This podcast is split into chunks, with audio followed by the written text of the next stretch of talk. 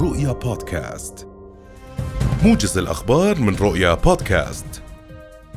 قال الناطق الإعلامي باسم وزارة التعليم العالي والبحث العلمي مهند الخطيب إن إجمالي عدد الطلبة الأردنيين الدارسين في الجامعات الأوكرانية يبلغ نحو 727 طالبا بينهم 425 طالبا وطالبة سجلوا على المنصة الإلكترونية التي أطلقتها الوزارة.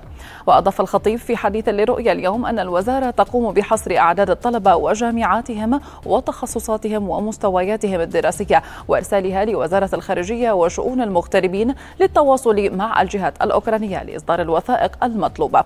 كما أشار إلى أن 80 إلى 90% من الطلبة الأردنيين الدارسين في الجامعات الأوكرانية يدرسون تخصصي الطب وطب الأسنان فيما يدرس البقية تخصصات هندسية وعلمية.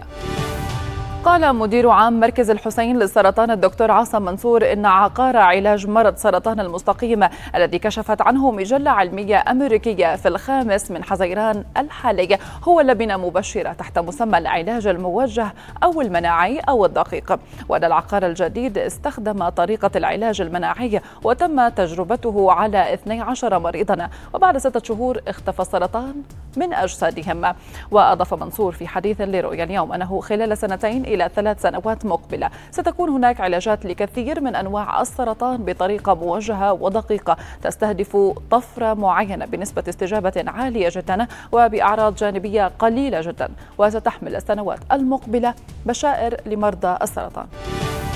اشتكى عدد من سكان منطقة ضاحية الرشيد في العاصمة عمان من انقطاع المياه عن منازلهم منذ ثلاثة أسابيع ورغم محاولتهم المستمرة لإيصال شكاواهم لسلطة المياه إلى أن المشكلة لا تزال تراوح مكانها.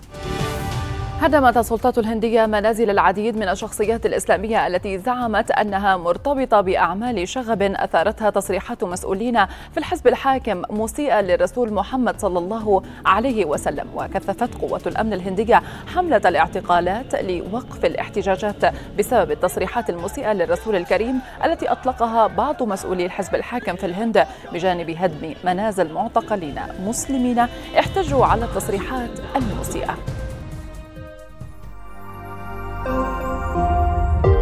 رؤيا بودكاست.